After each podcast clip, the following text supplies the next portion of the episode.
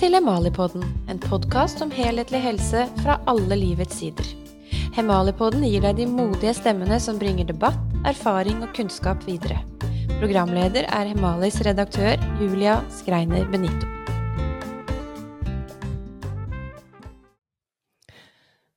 Thomas og eh, Maria, uansett hvor uendelig trist din historie er, Maria, så er det jo en glede å ha deg med i Hemalipodden. Så velkommen skal dere være, begge to, far og datter. Eh, jeg spør deg først, eh, Maria. Du er 25 år gammel. Jeg lurer på hvordan du startet dagen i dag? Eh, klokka er nå halv, halv tre. Jeg har nettopp stått opp og drukket en kopp kaffe. Og det er det. Ja, for livet ditt har blitt dramatisk redusert etter andre dose Jeg vet ikke om det var Pfizer eller Moderna du fikk? Jeg, jeg fikk eh, en Pfizer i juni 2021. Og så tok jeg en Moderna i september 2021. Eh, og jeg hadde bivirkninger av begge dosene og stoppet da, rett og slett. For jeg skjønte at det her kom ikke til å gå. Mm. Så først Pfizer, og da mistet du menstruasjonen, har du fortalt. Yes. Eh, det gikk vel en sju måneders tid eller noe sånt før du fikk den tilbake. Den stoppet totalt. Og så altså Moderna eh, etter at du hadde fått eh, Nei, omvendt. Først Moderna, så Pfizer, var det sånn? Nei, Pfizer først. Pfizer først, ja. Så så Moderna. Og da, fortell hva som skjedde da umiddelbart etter andre dose. Jeg fikk jo veldig, veldig høy feber. Jeg hadde jo 40 i feber når jeg satt hjemme og hallusinerte at jeg var i et annet land, og det var veldig ubehagelig. Og det er ikke noe jeg ønsker noen. Og det var da jeg egentlig begynte å tenke at hva, hva, kan, hva kan skje med kroppen min fra nå? For etter første dosen, og du mistet menstruasjonen, så tenkte du kanskje mer at eh, hva da, du hadde vært liksom spesielt uheldig, eller? Ja, så vi fikk jo hele tiden beskjed om at uh, ja, men det har ingenting med saken å gjøre. At du har mista menstruasjonen din. Nei, du er nok bare stressa. Og siden du også har hatt en virusinfeksjon i kroppen Jeg fikk også kyssesyken etter disse vaksinedosene. Uh, det tror jeg er fordi at immunforsvaret mitt var relativt dårlig. Eh, alle rundt meg eh, la jo skylden på det. Eh, bekjente var sånn Nei, nei, du, du har mista menstruasjon kun fordi du er stressa. Og det er sånn Nei, jeg føler at det er feil. Jeg kan kjenne fysisk i kroppen min at det ikke stemmer. Det er en veldig rar følelse. Ja, det der er jo Jeg har hørt utallige beretninger om lignende erfaringer, Maria, og dette ser jeg på egentlig som liksom forbrytelse nummer to, da. Én ting er at disse vaksinene ikke viste seg så trygge som de sa, eh, men like ille, kanskje, er jo hvordan man blir møtt, da. Nemlig med den mistroen og med den uviljen mot og i det hele tatt åpne for at det kan være en sammenheng mellom eh, vaksinasjon og bivirkninger. Og eh, Thomas, jeg vet at du du har vel generelt vært skeptisk til en del som kommer ovenifra. Og da mener jeg ikke fra himmelen, men fra, fra myndighetene. Så du var kanskje skeptisk til disse vaksinene også. Uh, hvordan er det å se din datter, din uh, tidligere så livsglade, aktive datter, nyutdannet uh, journalist og eh, rasende god innenfor eh, en hestesport. Hvordan er det å se henne sånn som du har sett henne siden september? Ja, det er snart to år siden nå. Det er jo ikke samme jenta i det hele tatt. Det er jo helt vanvittig å se på. Eh, eller være vitne til i det hele tatt.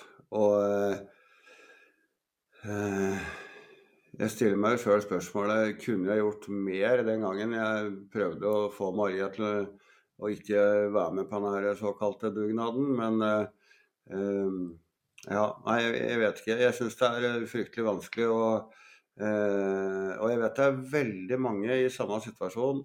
Og eh, hvis ingen blir stilt til veggs for dette her, eh, så finnes det jo ingen eh, Da er ikke Norge en rettsstat lenger i det hele tatt. Altså så mange skjebner, og det blir feid under teppet.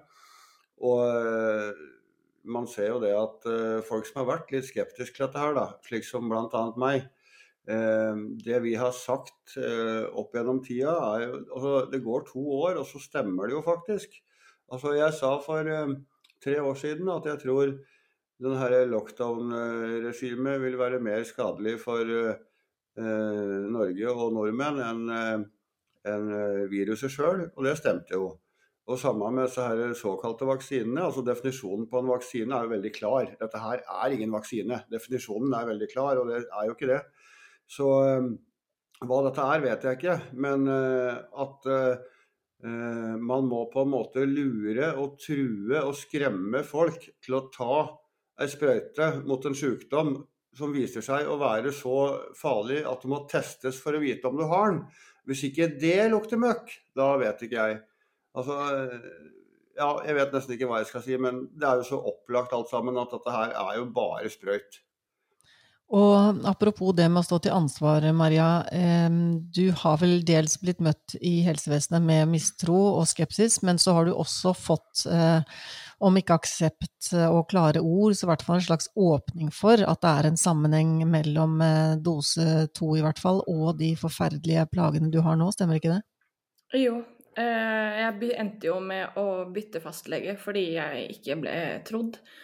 Eh, og fastlegen jeg har nå, har vært eh, kjempeflink og har lyttet til meg. Og når jeg foreslo at vet du hva, jeg føler at det her kan ha en sammenheng med de to vaksinene jeg tok, sammen med at immunforsvaret mitt har fullstendig rast og jeg blir syk av ingenting. Og da ble jeg faktisk hørt. og hvis vi klarer å ja, hva skal man si, bevise dette på noe vis, så kommer jeg til å søke erstatning. Og det er vel kanskje det siste du har energi til akkurat nå. Fortell meg hvordan en typisk dag ser ut for deg, Maria? Ja, eh, altså jeg ligger jo ca. mellom 15 og 16 timer i døgnet. Jeg klarer ikke å stå oppreist så mye. Eh, og så nå, etter jeg da hadde en kollaps og havna på legevakten, så har jeg ikke klart å være i stallen alene. Jeg må ha med meg hjelp hver dag, for jeg klarer ikke å løfte tungt. Jeg klarer ikke å gjøre arbeid som jeg klarte tidligere. Eh, på en god dag så kanskje jeg klarer å ri litt, men det har jeg som sagt ikke gjort siden jeg da kollapsa sist. Så dagen ligger Ja, jeg ligger mye. Jeg er heldig med at jeg har to kattepuser hjemme og samboer, ellers hadde det blitt fryktelig kjedelig. Uh, ja, ellers så er det dagen min. Jeg, jeg, ligger inne, og sånn er det. Og bak deg på veggen, det ser jo ikke våre lyttere, men eh, jeg ser jo at der veggen er tapetsert med medaljer, så du var ikke bare en sånn vanlig hestejente, men du, du satset vel både på journalistikk og videre med hestesport? Ja, jeg satt faktisk som eh, president i Westernforbundet i Norge før jeg. Eh, jeg har brent for eh, westernridning i Norge i flere år. Eh, jeg har konkurrert aktivt i tidsgrener, det vil da si mye adrenalin, rask fart, krappe svinger. Akkurat nå så er den veien litt lang å komme seg tilbake til. Jeg måtte trekke meg fra vervet. Jeg klarte ikke å bidra mer. Og det eneste jeg har igjen, er ja, rett og slett gleden med, med dyr rundt meg. Og den 13. Eh, august så kollapset du mer eller mindre. Fortell om det, Maria. Ja, da hadde jeg over lengre tid skjønt at pulsen min var på avveie, så jeg har brukt pulsklokke nå i flere uker for å dokumentere det. Fordi når jeg har vært inne hos legen og pratet om puls, og vi har sjekka pulsen min, så har jo den vært helt normal når jeg har sittet stille i stolen. Uh, og da pusha jeg meg en dag, for det er et sånt menneske jeg er. En, en pusher. Eh, og da satt jeg på hesten i ti minutter, i tillegg til vanlig stallarbeid. Eh, og da jeg kom hjem, så hadde jeg 180 i puls, eh, klarte ikke å komme meg inn i dusjen. Og ei venninne av meg som er helsefagarbeider, hun sa 'Maria, du ringer legevakten nå'. Jeg hadde egentlig ikke tenkt å ringe, for jeg tenkte at legevakten, det er for dødssjuke. Så, de kommer ikke til å ta meg inn, tenkte jeg. Eh, men så ble jeg tatt inn, eh, og følte for første gang at jeg ble hørt med eh, pulsproblemene mine. og ble satt på medisin, da, betablokkere, og har nå gått på det siden. siden den gangen har dosen også blitt dobla, og det er først nå jeg har tilsvarende normal puls, men ikke i nærheten av hva jeg hadde før. Nå på en vanlig dag er den på ca. 120 da, av å reise seg opp og dusje. Og gå ut av huset, dra på butikken og handle. Det er en helt annen tilværelse. Og jeg er egentlig bare sur og sint for at jeg som i dag sitter som 25-åring med høyere utdannelse og føler meg som en ja, rett og slett verdiløs byrde i samfunnet. Vi hadde en uh, avtale om et uh, podkastopptak for en ukes tid siden, og da sendte du meg en SMS med at jeg våknet med 150 i puls. Mm. Så jeg, jeg, må utsette det. Jeg klarer ikke forestille meg, Maria og Thomas, hvordan det er å være dere, og hvordan det er eh, å få livet så dramatisk redusert etter noe som ble omtalt som en borgerplikt. Ja, altså jeg hadde jo ikke lyst til å begynne med, men én, eh, det er koronapasset. Jeg ville ikke bli sittende fast i Norge. Jeg så jo på meg selv som herregud, jeg er ung og frisk. Hvis jeg vil ut og reise, så skal jeg få reise. Og i tillegg den derre Jeg har en farmor som sliter med immunforsvaret sitt. Og når du får beskjeden ja, hvis dere ikke tar disse vaksinene, så dreper dere bestemor. Da hadde jo ikke jeg lyst til å drepe bestemor. Så jeg gjorde jo min borgerplikt og stolte kanskje ja, blindt på det vi ble fortalt. Eh, og min far prøvde alt for at, skulle, at, jeg ikke skulle ta vaksinene, men jeg tenkte jo som mange andre at eh, nei, pappa er bare litt gæren. Han har, jo, han har jo bare feil. Men det viser seg jo at eh, han har jo hatt rett hele tiden. Hvordan har det vært med deres relasjon, Thomas, etter at dette skjedde? Jeg antar at det oppstår ja, uante ting eh, i en sånn krise som dere står i? Jeg og Marie har alltid hatt en veldig nær relasjon. Eh, eh, uten å gå inn på det, så eh, Vi har alltid vært mye sammen og vært eh, veldig åpne og alt mulig rart begge veier. Så Ehm, det er jeg veldig glad for da, når eh, ting har blitt sånn som de er nå. Men eh, ehm, det er jo vondt, eh, selvfølgelig, å vite at alt dette her kunne vært unngått. Altså Jeg kjenner jo litt på det. Ja, relasjonen vår har alltid vært veldig bra. Jeg har egentlig alltid vært verdens største pappajente, tror jeg. Jeg er veldig heldig sånn sett. Selvfølgelig har vi hatt våre diskusjoner, men når jeg ikke gidder å diskutere, så sier jeg vet du hva, nå er vi ferdig. Og da er vi ferdig. så det har vært håper jeg å si, politiske diskusjoner rundt middagsbordet, men det har vi fått som regel hos bestemor at det gjør vi ikke mer. Så har vi vel blitt mer enige etter hvert på det punktet òg. Ja, og det er jo fordi informasjon som har dukket opp, eh, og ikke minst de helseplagene jeg sitter med i dag, beviser jo dessverre ja, hva pappa frykta. Så du tenker om din far at han er ikke like gæren som du trodde? Nei, og det som er veldig morsomt, er at uh, altså, vi er jo fra et, en liten bygd, tettsted, her oppe i nærheten av Hamar. Og det er jo veldig mange som har tenkt herregud, Thomas Wilster er jo helt gæren, han sier jo så mye rart. Og nå i ettertid så kommer de bort til meg og så sier de vet du hva, Maria, faren din har jo hatt rett hele tiden. Og det er det jeg også egentlig har funnet ut av, da. Altså, jeg trodde jo han var gæren, men han, han er jo ikke det. men apropos det, et lite sted du bor, Maria. Du bor i Stange kommune utenfor uh, Hamar, uh, med yes. samboer, sa du. Men apropos dette med ja, hva, hva folk, uh, hvordan man blir møtt, og hva folk sier osv. Om du snakker om dette med din klare overbevisning om at det er en sammenheng mellom vaksinasjon og dine forferdelige plager, hvordan blir du møtt da? Uh, altså, til meg personlig så er mange veldig sånn uh, Ja, vet du hva, det kan hende det stemmer. Og jeg har veldig mange venninner som har uh, også hatt masse bivirkninger og sliter i dag. Men jeg opplever egentlig de fleste folk som feige og ikke tør å stå opp, ikke tør å anerkjenne at dette har skjedd, og for all del kan skje i fremtiden. Jeg, jeg syns folk rett og slett er litt pinglete i dag. Det var litt derfor jeg valgte å bli journalist. Bli en stemme for folket. Men jeg har jo måttet ende med å bli en stemme for meg selv.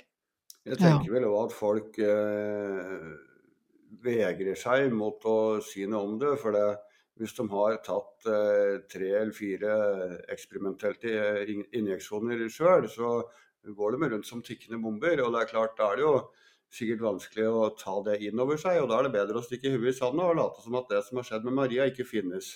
Mm. Eh, jeg opplever vel eh, eh, mye av det, faktisk. Ja, det er vondt å snu.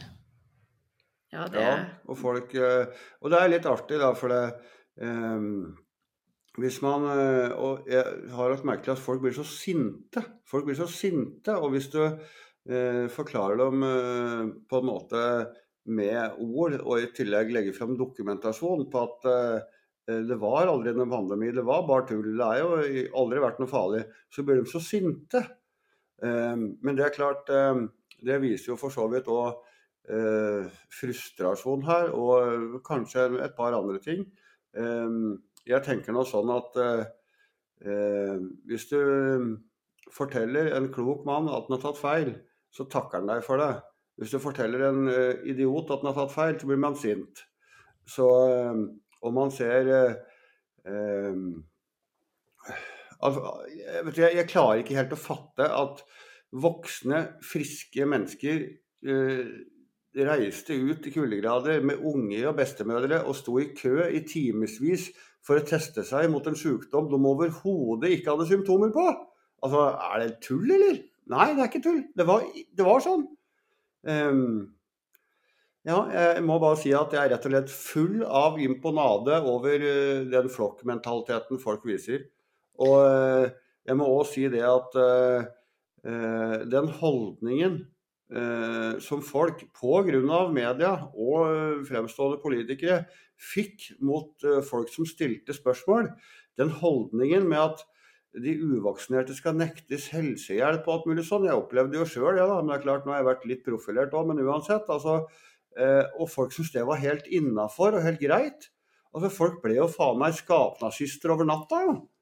Eh, uten ja, vi, å skjønne det sjøl engang. Vi var utskudd, vi. Du har jo fått masse stygge meldinger. Mm. Du har jo fått masse stygge meldinger. Ja, jeg har fått en del stygge meldinger, og til og med to anonyme drapstrusler. Altså, det var ganske interessant. Men, men, eh, ja, det bor men mye, eh, folk bor, er jo sprut gærne. Ja, det bor mer grums i folk enn hva jeg trodde før eh, denne ja, disse siste tre årene. Tre og et halvt år. Det er helt uh, riktig. Det er i hvert fall mye lettere uh, å skjønne hva som skjedde i Tyskland på 30-tallet. Uh, det må jeg si, den massesuggesjonen vi var vitne til i Norge og Europa, eller hele Vesten for så vidt, for tre år siden, det er jo akkurat det samme. Altså, eh, jeg tror at man må kjenne historien for å forstå samtiden. Og kanskje flere burde begynne å lese bøker istedenfor å bruke apper. Ja, det er en, en filosof, en tysk-amerikansk vel, hvis ikke jeg husker helt feil, Hanna Arendt, som, som nettopp gikk dypt inn i det spørsmålet. Hvordan kunne det skje på 30-tallet i Tyskland at eh, tilsynelatende fornuftige folk eh, som så til de grader lot seg lede. Så det er, det er mye spennende og skremmende psykologi innenfor det vi, vi snakker om nå. Men jeg lurer på, Maria, vi, eh, du sa du byttet fastlege. Første fastlege følte du deg vel verken forstått eh, eller, eller eh, godt ivaretatt. Men i hvilken grad har du fått uh, ord eller noe skriftlig fra helsevesenet om at uh, her er den mest sannsynlige forklaringen på dine uh, forferdelige plager, at det er bivirkninger av vaksinen? Veldig, veldig lite. Nå har jeg kun hatt én legetime hvor, angående hjertet, da. hvor vi da pratet om kan dette her faktisk være vaksineskade. Eh, fordi det, det, er en kjent bivirkning, eh, og det er ikke noe å legge skjul på. Og da sa min lege til meg at eh, det er absolutt noe vi ikke kan utelukke. og om jeg får det skriftlig, det er jo da mest sannsynlig opp til en hjertespesialist, som jeg er henvist til her på Hamar. og så må jeg bare ta ting derifra. men jeg liker å ha ting skriftlig, spesielt hvis det er håper å si, man må gå til sak og søke erstatning, så du, du kommer ikke noe vei uten å ha ting skriftlig. Men per dags dato eh, lite. Lite dokumentasjon. Og det virker som om legene er redd for å gi den dokumentasjonen. Hva kommer det av, tror du? Tipper de er redd for å miste jobben sin eh, og bli uglesett og ja, være konspirasjonsteoretiker. Ja, det er jo underlig at en skal, en skal, blande medisinske spørsmål med konspirasjonsteorier, men eh, det er en merkelig tid vi, vi lever i. Og eh, Maria, du sa at du, altså, du er henvist til hjertespesialist, og du er også under utredning, stemmer ikke det? Ja, jeg er under utredning for eh, ME også, og det er jo pga. utmattelse. Som da har kommet etter både Ja, først de to vaksinene, så fikk jeg kyssesyken i voksen alder. Eh, det var jo absolutt ikke bra. Og så fikk jeg faktisk korona et halvt år etterpå. Og det var så barnemat for meg. Selv med da ødelagt immunforsvar, så husker jeg at jeg sa at jeg hadde heller tatt korona ti ganger enn å ha kyssesyken og bivirkninger. Altså, jeg angrer så bittert på at jeg tok de vaksinene. Eh, jeg sto med jobbtilbud klare etter studiet, og sitter nå og gjør ingenting. Er, altså, jeg, jeg kunne begynt å hylgrine nå. Jeg føler jeg har mista alt. Fins det noe håp, da? Det er jo det vi ikke vet. Vi har ingen prognoser. Eh, vi har ingen fastslåtte diagnoser. Eh, legen min sier selv at eh, mitt sykdomsbilde er veldig unikt. Fordi vi, altså vi, har tatt veldig mye prøver. blodprøver, vi har tatt EKG, vi har tatt ja, for, for, å si det sånn, prøver i alle retninger av kroppen. og det går ikke an å påvise noe fysisk feil. Så min forrige fastlege tenkte jo da ja, men Maria er kanskje bare deprimert. Så gikk jeg til DPS, eh, for jeg tenkte ja ja, men jeg må jo høre på fastlegen min, kan jo hende Kanskje han har rett. Eh, gikk til en veldig, veldig dyktig psykologspesialist som jeg fikk skriftlig skriv på etter et halvt år at ingenting var psykisk. Og det er den som stiller sterkt i dag. At eh, det går ikke an å skylde på noe som ikke fins. Men det der, der er jeg bare nødt til å si noe. For det, jeg må jo si eh, det er jo vanvittig mange mennesker som har fått eh, større eller mindre plager av dette dritet her. Og det er jo ganske interessant at det eneste våre såkalte eksperter og leger er sikre på, er at det ikke skyldes vaksina. Jeg så til og med en engelsk politiker som gikk ut i, i, i avisa og sa at alle disse hjerteinfarktene og dødsfallene kunne skyldes klima. Jeg mener, Hvor dum går det an å bli? Er det ikke mulig å legge sammen to og to lenger? Eh, nå har vi uh, det som er hevet over enhver tvil. da. Uh, det har foregått en masseinjeksjon av en, så å si en hel befolkning. Eh, også i ettertid så har vi en overdødelighet som nå er oversteget 25% Det er helt vanvittig mye.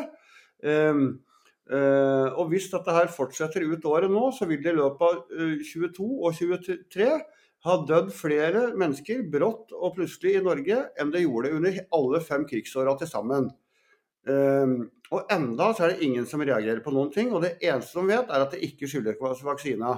Altså, det begynner å bli så dumt. Altså, det er så gjennomsiktig at det er helt tåpelig.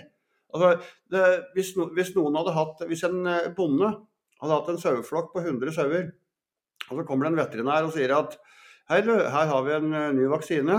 Eh, samtlige produsenter frasier seg ethvert ansvar for død og alle bivirkninger i all framtid, men vi syns du burde ta dette her. Eh, og så sier bonden ja, OK, og tar det på sauene sine. Og hvis da 25% av de sauene dør innen det året, så ringer han veterinæren og sier hallo, du, den vaksinen var kanskje ikke helt bra. Men nå på folk så godtar folk det. Vil folk at alle skal dø, eller siden ingen reagerer? Jeg vet ikke. Jeg tror det handler om at uh, vi har sånn tillit til våre myndighetspersoner når de sier at uh, det er etterslep, og det er Ja, nå husker jeg ikke alle de vage, rare uh, forklaringsmodellene de har presentert, men dette med etterslep har jo vært en vanlig forklaring, da. Ja, det, og det er bare tøys, det. Og ifølge FHI sine offentlige tall så døde 73 færre mennesker i 2020 enn 2019, så veldig etterslep er det kanskje ikke.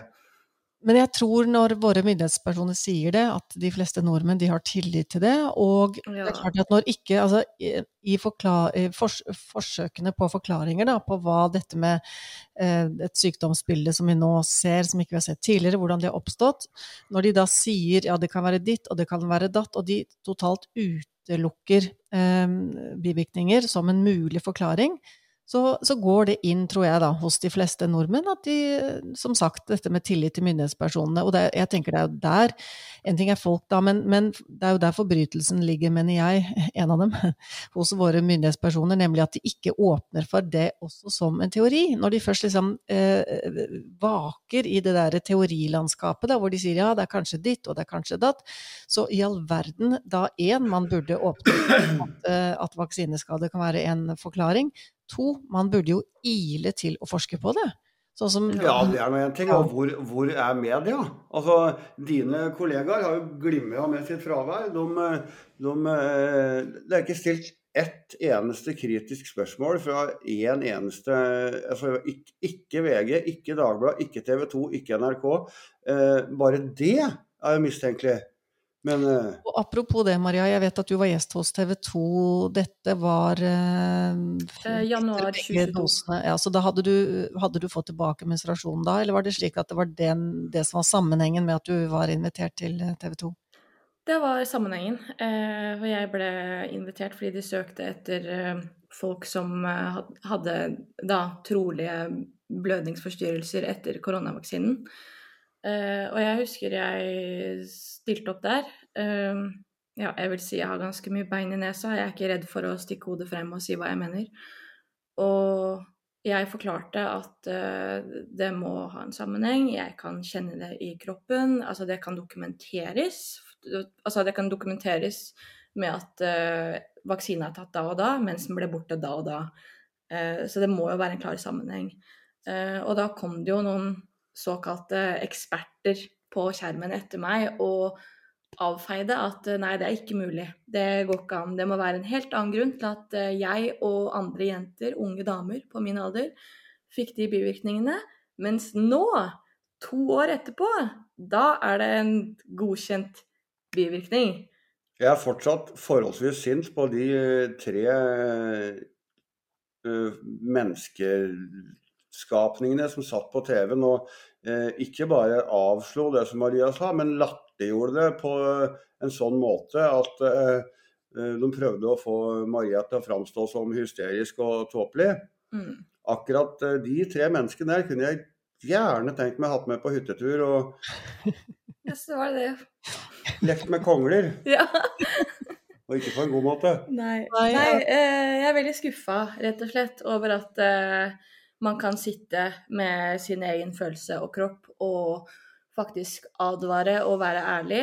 Eh, og så sitter det myndighetspersoner og sier imot uten egentlig noen form for bevis. For deretter å komme i ettertid og bare Å ja, hun hadde jo rett allikevel. Den, den er, den er skei i dag.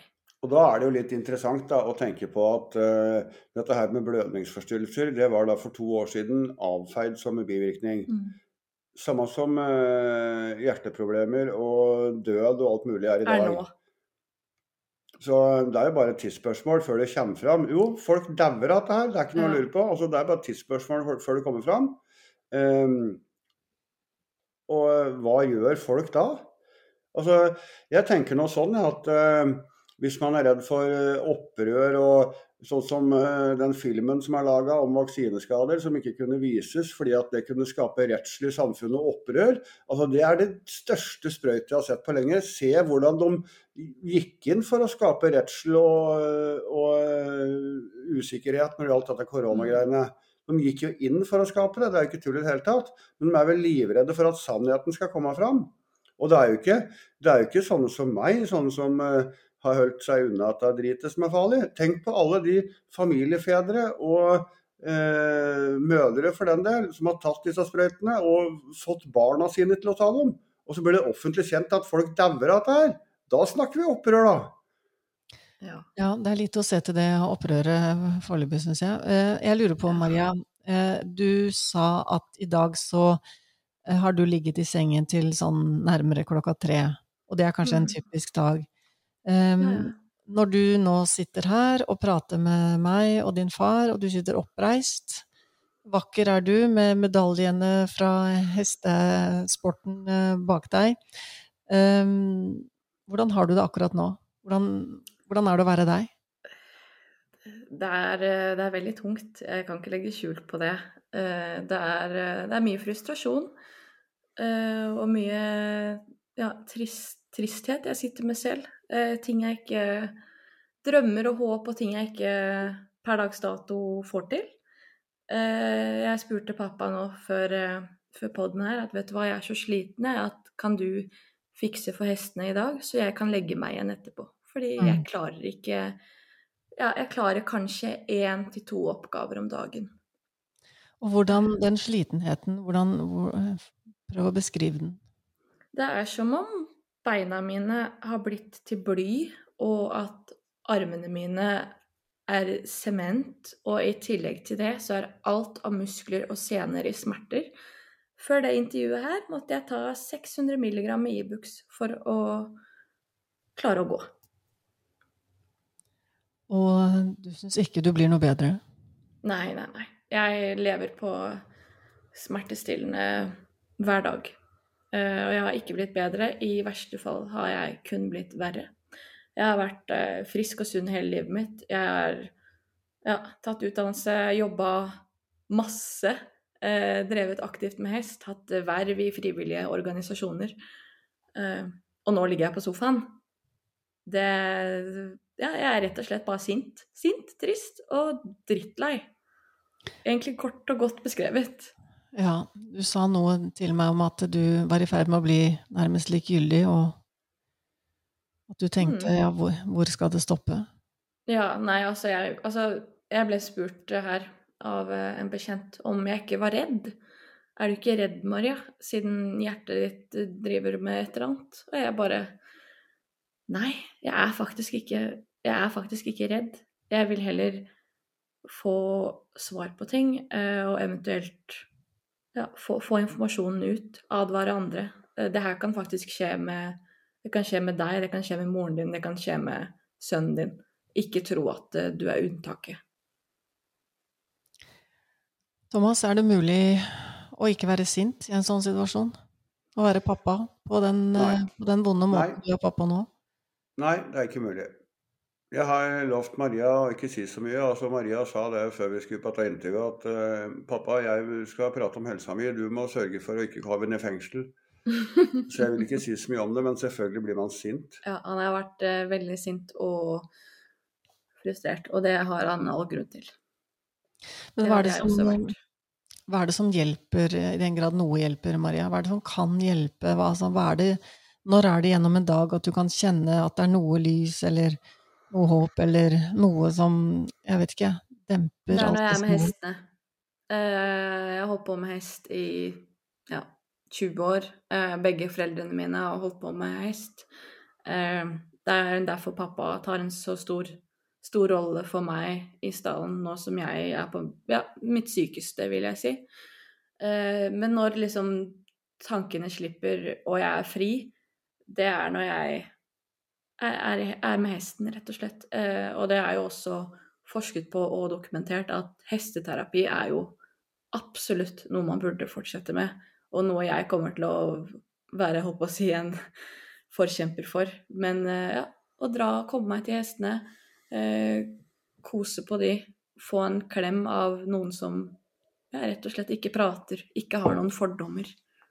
Det, det er bare magisk, eh, og det tror jeg nesten man ikke skjønner uten å ha, ha drevet med hest selv. Og Desto vondere må det jo være for deg da, når det ene som virkelig gir eh, lys, eh, det må du faktisk innimellom ofre fordi du ikke har krefter. Ja, det er helt jævlig, faktisk. Det, det kan ikke beskrives. Jeg hadde som mål om å lage meg et eget firma og holde på med hest og ta hester i trening, fordi jeg vet at jeg er god på akkurat det jeg driver med. Eh, jeg har jo ikke fått gjort noe av det. Eh, det er kjedelig. Og litt tilbake til dette med alle mulige andre forklaringer eller eh, teorier enn at det er en sammenheng mellom skader, smerter og vaksinen. En vanlig variant av forklaring vi har sett, kanskje den aller vanligste, det er jo long covid. Mm, den har ikke jeg fått beskjed om, heldigvis. Ja, det er kult. Det er snodig at det ikke er noe uvaksinerte som har long covid. Da. Merkelige greier. Men der har vi det med å legge sammen to og to igjen. Det er tydeligvis vanskelig. Ja. Nei, jeg har ikke fått beskjed om long covid, faktisk. Eh, det er eh, som sagt den ME-diagnosen som driver og jobbes med nå, og det er jo en utelukkende prosess. Så det er jo derfor jeg har vært innom så mye forskjellige tester, og, og siden jeg er i offentlig helsevesen, så tar jo ting tid. Eh, hvis ting skal gå fort, må man jo gå privat, og det, det er ikke alle som har muligheten til det. Jeg f.eks. har ikke muligheten til å gå privat, eh, og da må jeg bruke tiden til hjelp. Om den tiden er avgjørende for min helse, det kan godt hende, men jeg har ikke noe valg. Så du, du slapp den, da. Eh, at de prøvde å overtale deg om at dette her var long covid, men du fikk altså beskjed om å gå til psykolog, for det kunne være depresjon. Men ja. eh, jeg lurer på, Maria, hva er på en måte det neste du venter på nå? Hvilke svar er det du venter på? Hvilken avklaring? Nå vil jeg for det første få den ME-diagnosen på plass, fordi det er det ingen tvil om at, at, det har skjedd. Og det er heller ikke noe nytt at uh, eh, ME har kommet etter vaksineskader. Det har man sett uh, ja, Hva var det svininfluensavaksinen, og folk også fikk eh, epilepsi og Ja, det er ikke noe nytt. samtidig med hjertet mitt vet jeg jo ikke. Jeg vet jo ikke hva som er feil. Jeg vet ikke hva som skjer videre. nå Håper det er jo helt nytt, dette her. Det er jo ingen som vet. Altså, ingen vet hva som kommer til å skje. Nei, legene mine vet ikke. De sender kan... meg videre. Det er sånn Jeg er bare et vandrende spørsmålstegn i helsevesenet, og ingen har svar. Eh, sender meg hit og dit. Eh, jeg sitter nå her i to år, og ingen vet. Men og ingen vi vet jo. Vi vet i hvert fall at det ikke er vaksine. så det må vi være veldig trygge på. Ja, ikke min fastlege, da. Hun sa faktisk at ja, Vi må huske på unntakene. Vi må huske ja. på de gode unntakene, for de finnes alltid. Det finnes og jeg vil jo tro. Jeg vil tro at det er en, mange, mange i helsevesenet som nå smertelig bevitner, og som kanskje ikke tør å si noe, i, som du sa, Maria, frykt for å miste jobben, men som, eh, som innser at uh, her har det vært uh, mye som har gått galt. Men uh, så du sier, Maria, de har ikke svar, og du blir sendt rundt som et vandrende spørsmålstegn, og jeg antar at det er vel heller ingen som har noe klar formening om hva som er behandlingen? Nei, det, det fins ikke. Men du, der har, jeg, der har, jeg, lyst til å si noe når det gjelder det her med, med helsepersonell. Um, og som jeg skrev i det innlegget som jeg la ut på Facebook for en uke siden, at uh, jeg er faktisk et kneippbrød på data. Altså Jeg er født i forrige årtusen, og jeg håndterer ikke slike knapper og skjermer. Og til og med jeg, på to minutter for tre år siden, så skjønte jeg at her er det mye som ikke stemmer. Og, og jeg kan ikke data engang. Og jeg brukte meg to minutter å, å se på det. Uh, og jeg tenker, hvis du er helsepersonell, da, uh, og du har satt noen tusen sånne sprøyter på folk. Eh, nå er det jo for, udokumentert forskning da, som viser at eh, eh, det er jo faktisk et antall av så og så mange tusen, så dør det så og så mye mennesker. Så har du satt veldig mye sprøyter på folk, så har du sannsynligvis drept noen. Som sykepleier eller lege. Uh, det ville jeg tenkt over hvis jeg var, hvis jeg var helsepersonell. Og hvis det kommer en ny sånn bølge, skal jeg igjen stå her og uforvitende ta livet av en haug med mennesker, eller skal jeg si nei? Og jeg kjenner jo, jeg kjenner jo faktisk folk som har vært helsepersonell, som nekta å stille opp på altså massevaksinasjonene. Um, og vedkommende fikk beskjed om at da hadde de ikke bruk for uh, hun lenger. Og, og, dette skjer, altså. Uh, men de som, hvis det viser seg da, noe som jeg ser på som svært sannsynlig, at veldig mange både dør og blir skada av disse sprøytene, så er det faktisk ganske mange som har blitt eh, drapsmenn pga. jobben sin. Eh, dette ville jeg tenkt over hvis jeg var helsepersonell. Vil jeg være med på dette her mer? Men som vi har snakket om tidligere, eh, veien mot, en, veien mot innrømmelser og mot at ledende personer tar ansvar, den later til å være veldig lang. Og jeg la merke til at Jeg tenkte ikke på at ledende personer skulle ta ansvar, jeg tenkte på men folk sjøl. Altså hvis jeg hadde satt disse sprøytene på folk og fått vite at det er potensielt drepende, så hadde det gjort noe med meg som person. Altså Jeg sier ikke at offentlige altså Offentlige kommer aldri til å innrømme dette her noen gang. Det er ikke snakk om. Nei, jeg vet ikke, ikke hva som skjer. Ikke, ikke, om en så børster støv av muren på Akershus festning, så kommer noen til å innrømme dette her. Men jeg tenker på folks egen samvittighet. Hva ja. vil man være med på? Mm, og jeg vet ikke hva som skjer hvis du som uh, helsepersonell sier nei, jeg vil ikke sette vaksiner. Da mister man jobben. Det har vi jo sett flere eksempler på. Da mister man jobben. Men, eh, og jeg nå... mener at da har du i hvert fall integritet, da. Ja, det er noe av det siste vi har, er det ikke det? Um, jeg la merke til også i forbindelse med at det nå har begynt å komme noen erstatningssaker, at, uh, og de blir jo avvist, uh, de aller, aller fleste. Det har dere sikkert fått med dere, dere også. Men eh, en, et argument for å avvise, som jeg la merke til, det var at det var ikke vist i forskningen at det var sammenheng mellom bla, bla, bla, altså de og de plagene, bivirkningene, og vaksinen. Og det, altså det er jo en sånn, der, en sånn, omvendt argumentasjon som jeg bare ikke skjønner noen ting av. Altså, så det de da egentlig sier, det er at um, vi har ikke forsket på det, og da fins det ikke.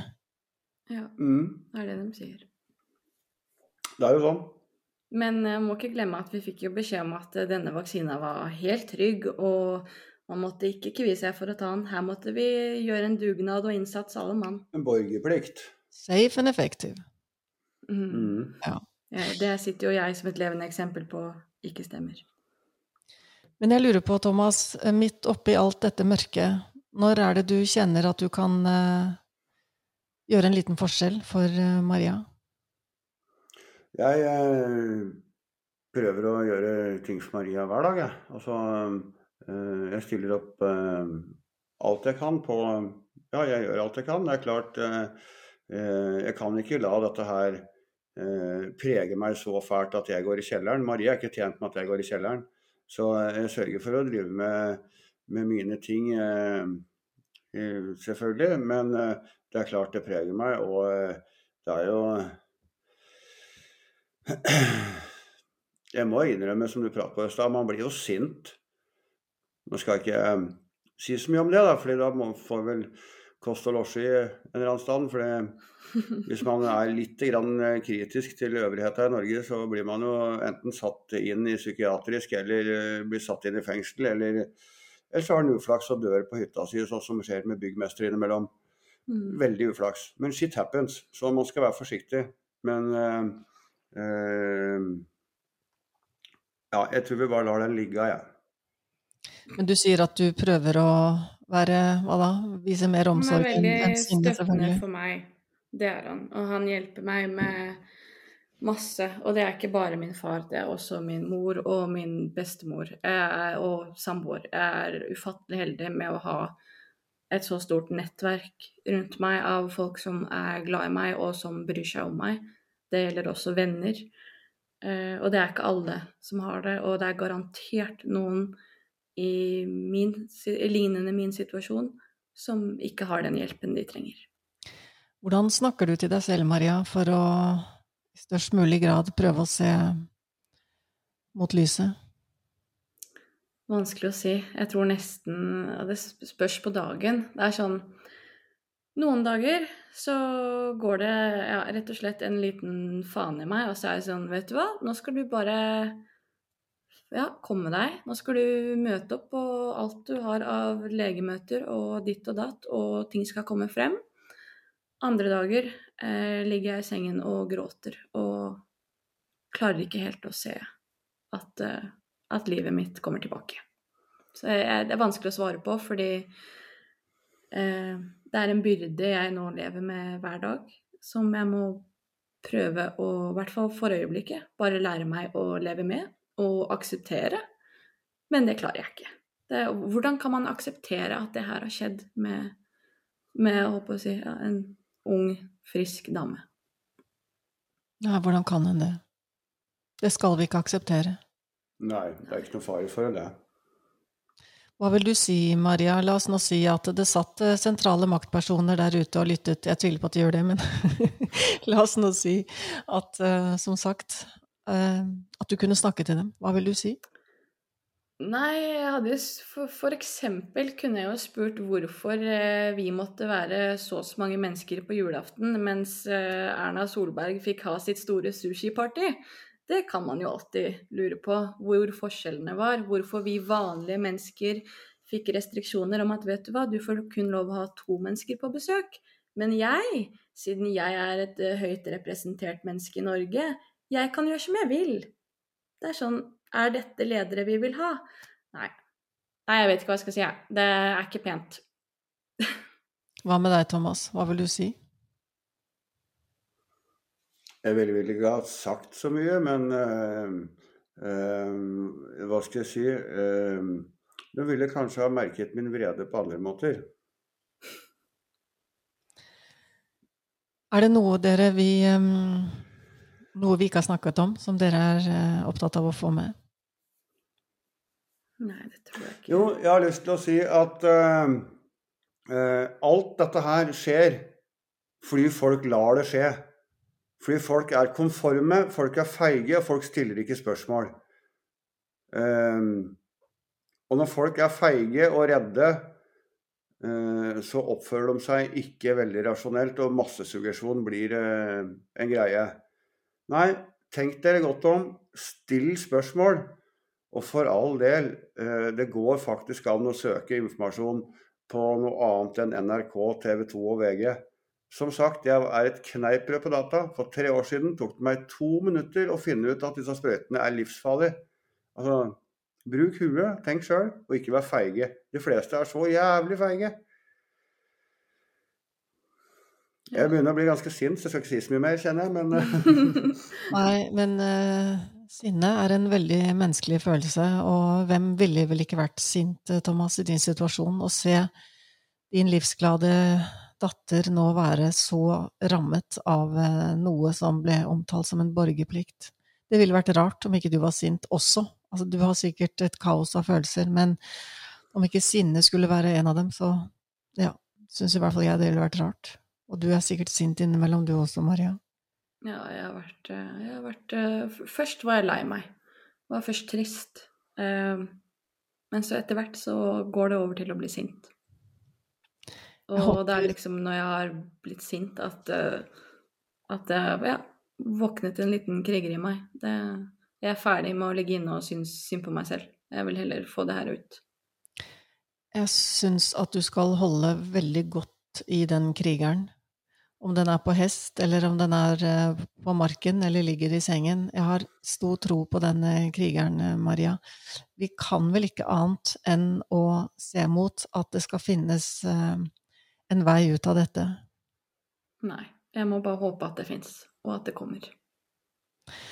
Vi har et sånn avslutningsspørsmål her i Himalaya-podden. Jeg vet ikke om jeg trenger å spørre deg, Maria, for du har allerede sagt, tror jeg, svaret. For jeg, spørsmålet er rett og slett hva er det enkeltgrepet dere gjør for helsa, som dere har skikkelig tro på?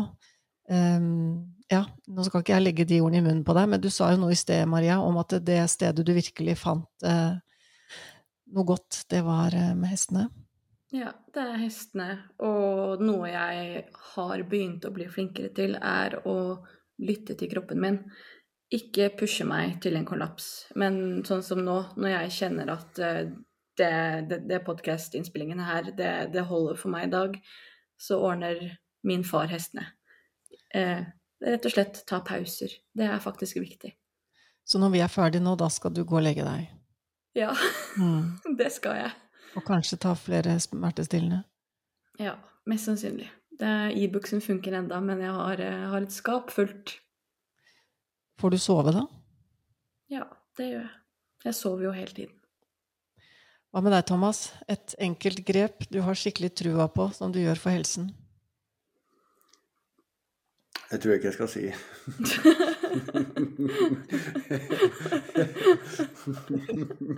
Men jeg har en, jeg kan revolusjonere Helse-Norge, ja. Men jeg skal ikke si noe om det. Et hemmelig grep, du. Mm. Ja.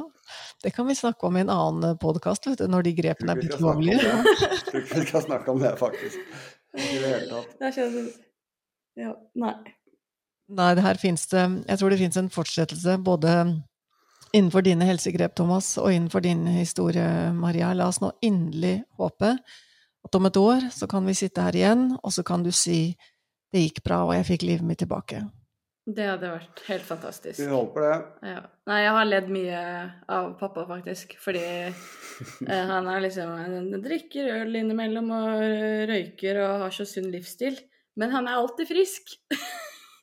så man, jeg vet ikke om man kan si at eh, øl og røyk er det som holder han frisk. Det er kanskje ikke helt det. Nei, men både helse og uhelse er så mangt, og sikkert veldig individuelt. Alt med måte er det noe som heter. Ja. Jeg intervjuet en fyr en gang som sa eh, det der er alt med måte, det er det dummeste jeg hører. Enten er det sunt, og da gjør du det maks hele tiden. Eller så er det ikke sunt, og da må du ikke gjøre det i det hele tatt. Ja. ja. Det er helt sant. Nei, men dere um, Vi må avslutte med dette håpet, syns jeg. Uansett uh, hvor eh, mørkt det er nå. Maria og Thomas, tusen takk for at dere tok dere tid til dette. Jeg vet det har kostet deg mye energi, Maria. La oss nå inderlig håpe at vi ses igjen under hyggeligere omstendigheter for deg, Maria. Det hadde vært veldig hyggelig. Tusen takk for at jeg har fått komme. Tusen takk for at uh, du tok kontakt. Ja, Det var en glede. absolutt. Jeg skulle ønske flere mediehus faktisk tok kontakt. Det, jeg ser hvem som sitter stille, for å si det sånn. Det skulle jeg også ønske. Og du er jo utdannet journalist, du har sikkert en del kontakter. Det er, uh, Absolutt. det er, Stillheten sier mye. Mm. det er en unnlatelsessynd at ikke mediene er mer opptatt av dette. Desto mer håper jeg at eh, vi kan fylle ut det bildet og være ja, bringe fram budskap som etter Nürnberg-rettssaken i 45, så var det jo faktisk eh, en del eh, journalister og redaktører som mista livet for de bevisst hadde formidla falske nyheter. Å nei, Det å er nei. noen er fra, det er noen tradisjoner fra 40-tallet vi bør absolutt føre videre. og jeg som tenkte vi skulle avslutte med litt lys og håp.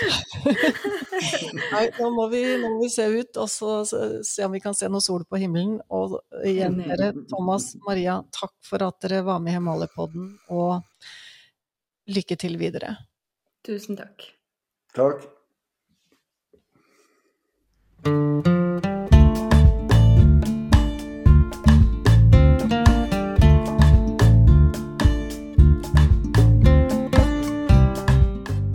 for at du lytter til Emaliepodden.